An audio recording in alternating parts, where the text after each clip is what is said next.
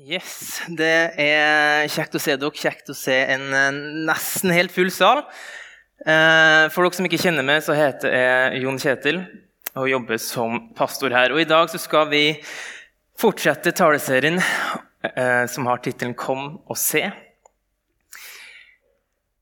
Der vi prøver å fange litt av det Jesus inviterer oss inn i. Om at han sier til oss 'Kom og se hvem jeg er. Kom og følg med'. Eh, og alle de sidene, eller noen av de sidene som følger med det. Men hvordan ser det ut i dag? Det er litt av greia. Og hvordan komme og se Jesus i dag? Og en helt sentral del av det, det er kirka. Og Derfor er temaet i dag eh, 'Kom og se kirke'.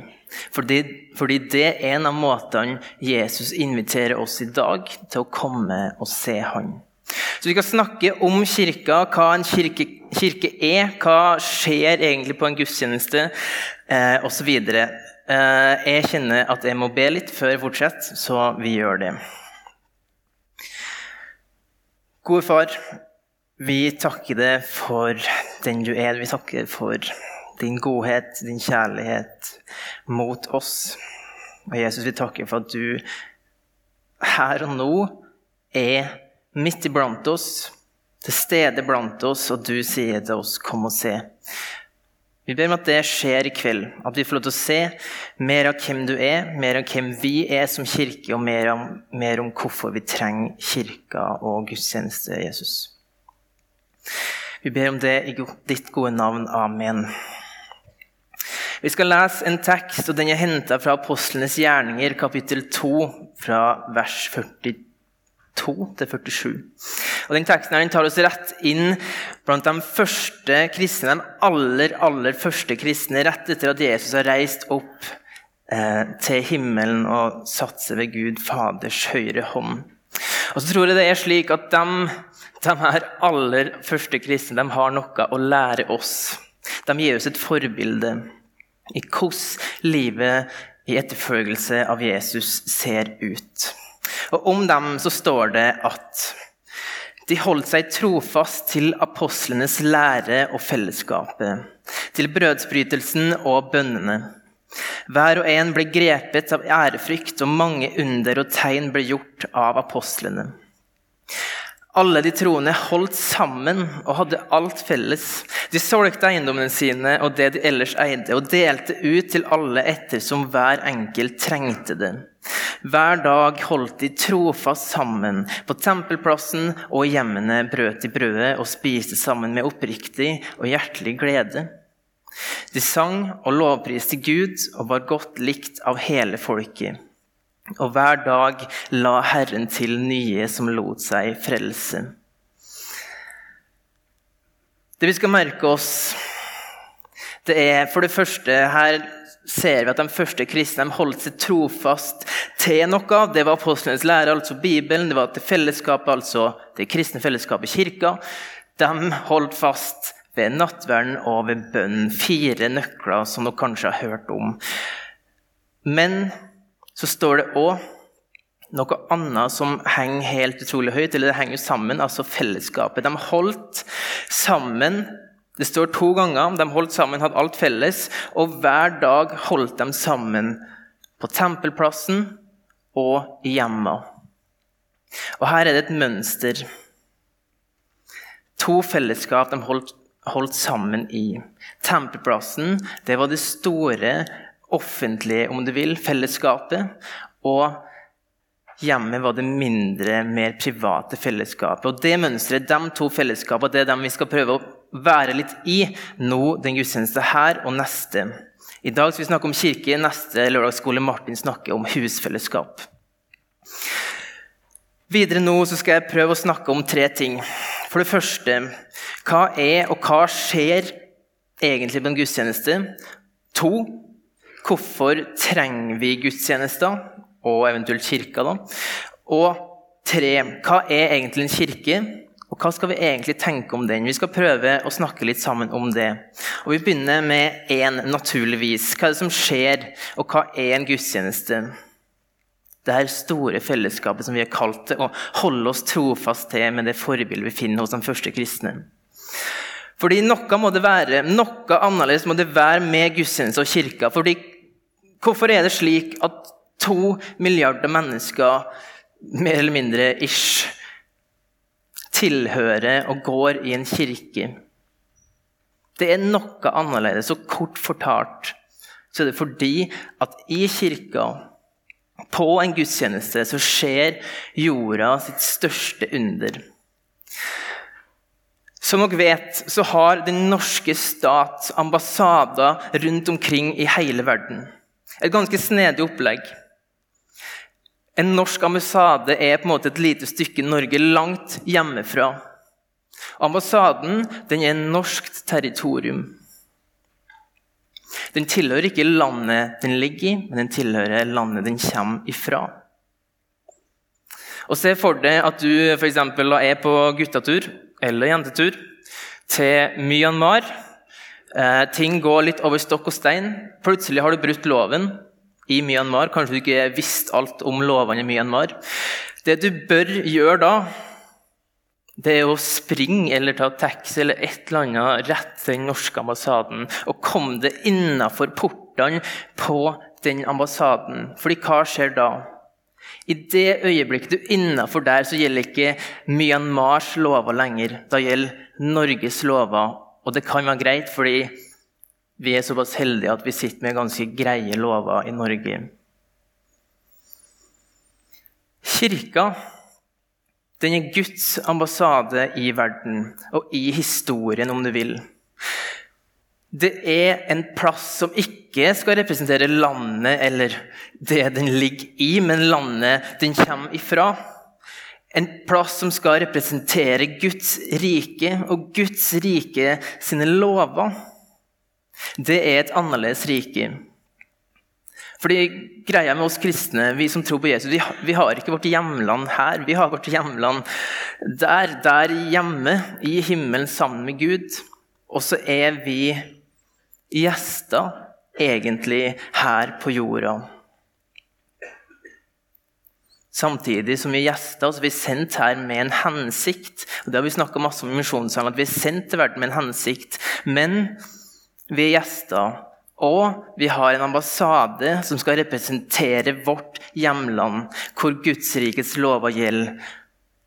Og folkens, det er ganske digg, fordi i Guds rike der, der baseres ting på nåde. Det baseres på det motsatte av det å det er og du kjenner på hver dag i samfunnet. Det samfunnet vi lever i, det er et samfunn som bygges opp av fortjeneste. Du skal gjøre det fortjent til alt du gjør og får og driver med. Gudsrikets lover er totalt motsatte. Det er på nåde. Og Nettopp derfor er kirka det største underet på jorda. Fordi hva skjer på en gudstjeneste? Hva skjedde når vi sammen gikk inn dørene her og satte oss ned her?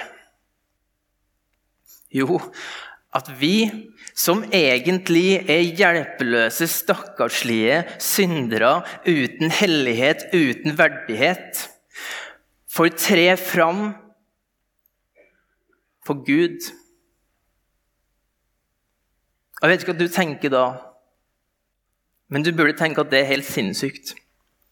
Fordi hvem er Gud? Gud er den som var og som er. Han er den evige, den hellige, den verdige. Og du er en stakkarslig synder. På tross av det så får du komme fram for Gud fordi det her er Guds ambassade. Her er det ikke som i samfunnet. Her baseres det på nåde. Det er digg, og det er et under. Vi blir invitert til å komme og se hans storhet, hans hellige, tre fram for hans trone. Og Derfor har vi også starta en gudstjeneste med å, lovsynge Gud sammen, fordi det er et under verdt å feire. Og han er verdt å lovsynge fordi han er slik. Og Dette er det vi som fellesskap for hver gudstjeneste får lov til å være med på. Vi er et fellesskap med masse feil og mangler. Gudstjenester og kirker det er ikke en samling for dem som klarer livet. Det er ikke en koseklubb for dem som, som opplever at jeg, jeg, får til alt. Kirka kan sammenlignes med et feltsykehus. Et fellesskap av dem som vet de trenger Jesus. Som er det, men jeg klarer ikke det her sjøl. Men jeg takker Gud for at jeg får komme hit, komme og se Han og komme og få ta imot Han, den nåden som Han gir meg. Det er kirka, et feltsykehus av mennesker som kommer til kort, med feil, med mangler. Men får komme fram for Gud, den evige, hellige, mektige. Ta oss Tenk over det her når vi samles i gudstjeneste. Hva under det er det som skjer her? Nå har jeg snakka litt om hva er, og hva skjer på en gudstjeneste. og Dette gir en retning for å snakke om hvorfor man trenger den. Hebreerbrevets forfatter skriver i kapittel 4, vers 16.: La oss derfor frimodig tre fram for nådens trone, så vi kan finne barmhjertighet og nåde.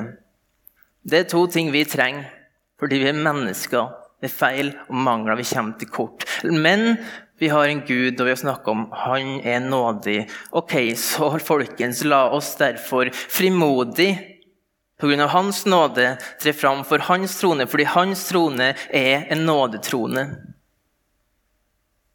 Og Derfor trenger vi gudstjeneste, fordi det er det som skjer. At vi går fra vi lever i samfunnet der andre regler gjelder, så vi kommer fram for Guds ambassade, der Guds rikes lover gjelder. Og når du kommer fram for Han og får strekke ut to tomme hender, så er det du mottar. Nåde, barmhjertighet. Og jeg og du trenger det. Derfor trenger vi gudstjenesten. Og så er det sånn, Jeg snakker om at vi er gjester i verden, men vi har en hensikt. Vi skal ikke trekke oss ut fra verden. Vi er kalt til å være i verden. Men for at vi skal klare det, så tror jeg at vi er helt avhengig av en plass der vi klarer å reorientere oss og tune inn på Guds sannheter. Fordi Guds sannheter og Guds historie er en annen, det er andre sannheter, en annen historie enn det du lever i i samfunnet. Derfor så trenger du å komme til hans ambassade og leve under hans lover, hans historie. Derfor trenger jeg og du gudstjenesten. Uten den reorienteringa som gudstjenesten er med på å gi deg, så tror jeg at jeg og du vil stå i fare for å gli sakte, men sikkert vekk. Det er ikke sikkert vi merker det, men greia er vi trenger reorienteringa. En vesentlig del av det å tro på Jesus og tilhøre Han, det tror jeg handler ganske masse om bevisstheten vår. for Bevisstheten vår styrer ganske masse av hvem vi er, og, hvem, og hva vi søker. Vi er kalt til å søke det som er der oppe med bevisstheten vår. Og til nettopp det så trenger vi gudstjenesten til reorienteringa. Det er lagt opp sånn det har vært sånn eh, i mange, mange år. En ukesrytme der kristne en gang i uka får komme fram for Gud. Og tror det er en grunn til det.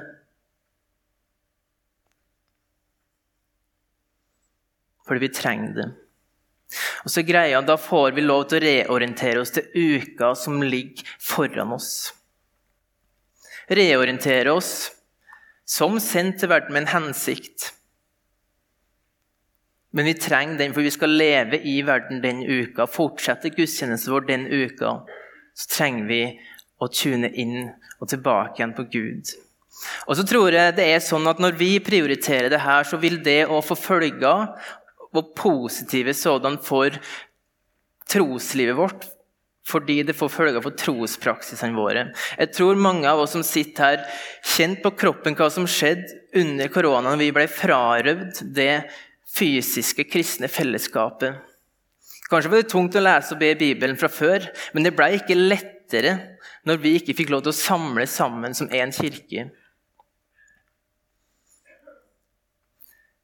Jeg er helt overbevist om det at den reorienteringa du får her på gudstjeneste, det er med på å gi deg en retning ut i uka som hjelper deg til å ha en bevissthet om hvem Gud er, hvem du er.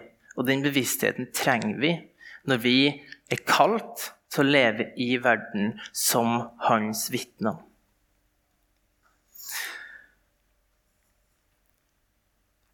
Vi er kalt til å leve i verden som hans vitner.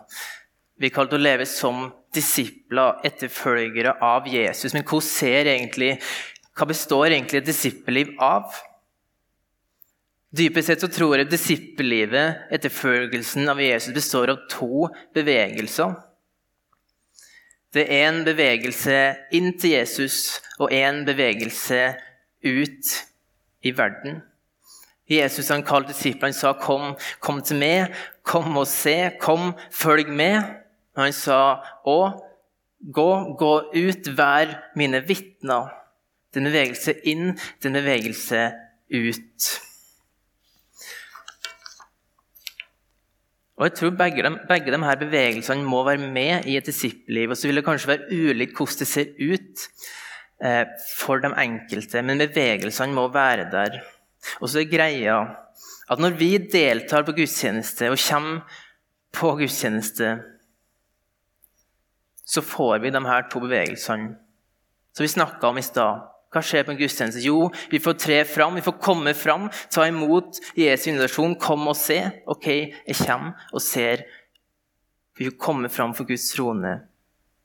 Vi kommer til Han. Hva som skjer hver gudstjeneste i misjonssalen når vi skal avslutte den?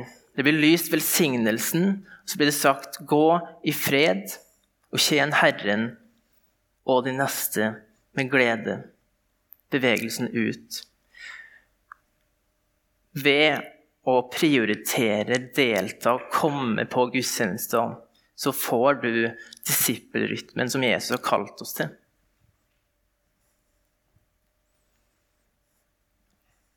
Og det tror jeg vi trenger. Og forbildet har vi i de første kristne, som trofast holdt seg til fellesskapet. De trengte, og vi trengte. Vi la oss i stad fra Hebrebrevet kapittel 4, og vi skal lese fra kapittel 10 nå og vers 24 til 25, der vi finner en annen oppfordring Forfatteren skriver slik.: La oss ha omtanke for hverandre, så vi oppgløder hverandre til kjærlighet og gode gjerninger. Og la oss ikke holde oss borte når menigheten vår samles, som noen har for vane. La oss heller oppmuntre hverandre, og det så mye mer som dere ser at dagen nærmer seg.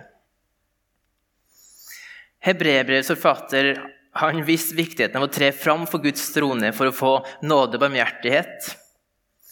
Og så har han òg skjønt viktigheten av fellesskapet. Når vi trer fram for Guds trone, så gjør vi det som fellesskap. Og når dere kommer sammen som fellesskap, ok, ha omtanke på hverandre. Ha omtanke for hverandre, oppglød hverandre, oppmuntre hverandre. Hverandreperspektivet er krystallklart i Bibelen, og det fører oss inn i tredje og siste punkt hva er egentlig en kirke, og hva skal vi tenke om den? Og jeg vil nå at dere ser dere rundt.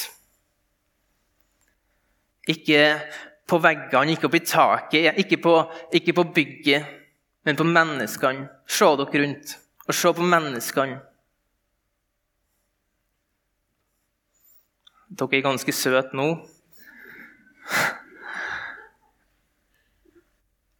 Men det dere ser nå, det er kirken. Dem dere ser nå, det er dine brødre, og det er dine søstre. Det er din familie.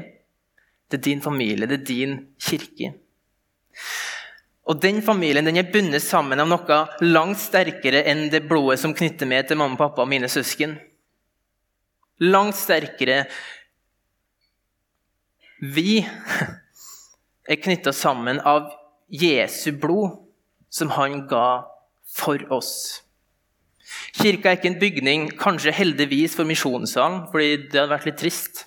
Vi har ikke Ja, samme det. Eh, men kirka er en familie. Og så får det noen følger for hva vi skal tenke om kirka. Vi las fra apostelgjerningene om hvordan de første kristne holdt sammen. Hebreerbrevet beskrev hvordan vi skal ha omtanke og videre for hverandre. Um, og så er det sånn at Nå er vi jo inne i denne store menighetsshoppingtida i Oslo. og Det er masse nye studenter som skal finne ut og sjekke ut. og vet du hva, Det er helt topp. Finn ut av ting. Gå og se på forskjellige kirker. Men jeg har likevel noen oppfordringer til dere eh, basert på det vi har snakka om.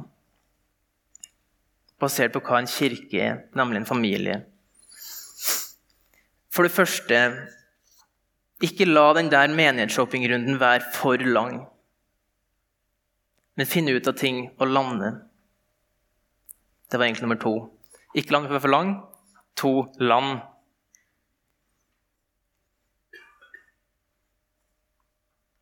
Og når du lander, om det er her eller om det er en annen kirke, du er hjertelig velkommen til å lande hos oss. Men når du lander, finn din kirke. Den som skal være din familie i Oslo. Ta eierskap. Tjen. Ha omtanke for dem du lander i kirke med. Vi er kalt til å tjene hverandre fordi vi er familie. Og derfor gå inn i tjeneste og ta eierskap. Fordi når du går inn i tjeneste, så stiller du deg disponibel, klar til å tjene din familie. Helt konkret. Jeg tror det er et problem som vi på en måte er nødt til å snakke litt om. Som, vi, som alle trenger å jobbe med, fordi vi er mennesker som ofte kanskje ikke tenker helt rett om alle ting. Når jeg går i kirka, så tenker jeg så utrolig litt hva det er jeg har igjen for å gå her. Hva det er jeg skal få igjen for å komme på den gudstjenesten. Og så er jo problemet her da, at vi la saker fra hebreerbrevet. Bibelen kaller oss da omtanke for hverandre. Er det da en rett tanke at jeg tenker hva det er for ut av det her? Jeg håper du får masse ut av å gå i kirke, og jeg vet du kommer til å gjøre det. Men du er kalt til å ha et annet mindset enn det. Du er kalt til å ha omtanke for hverandre, fra å være innoverretta til utoverretta. Fordi kirka er ikke et show, men kirka er familie. Og så må det få noen konsekvenser for hvordan vi tenker om kirka. Og så gir det en viktig retning for dere som nå er inne i en periode hvor dere skal lande.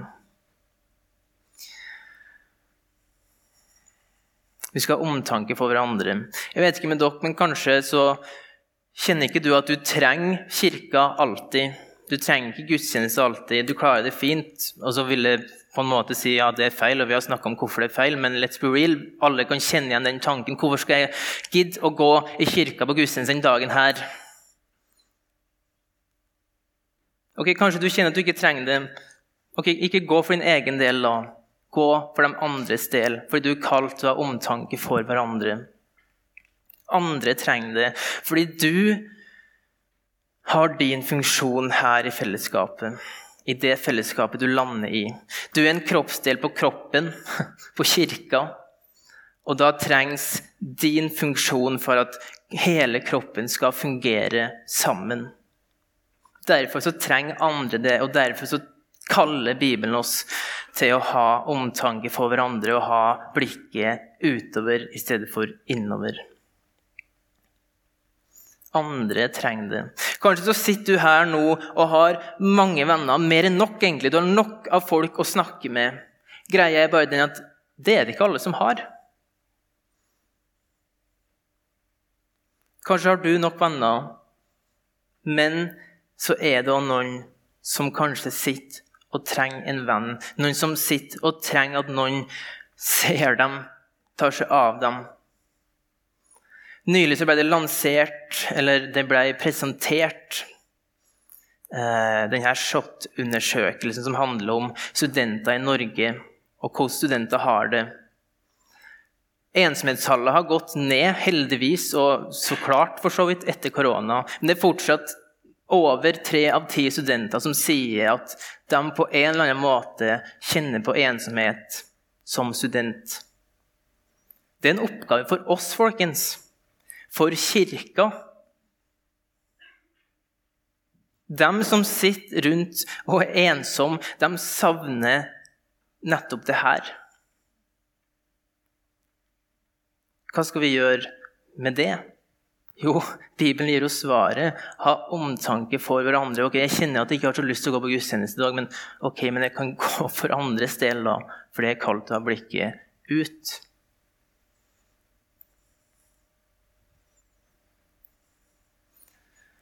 Folkens, brødre og søstre, la oss jobbe for å be om, be om veiledning til hvordan det skal se ut. Hvordan kan jeg være med og bidra til det her i misjonssalen eller den kirka du lander i?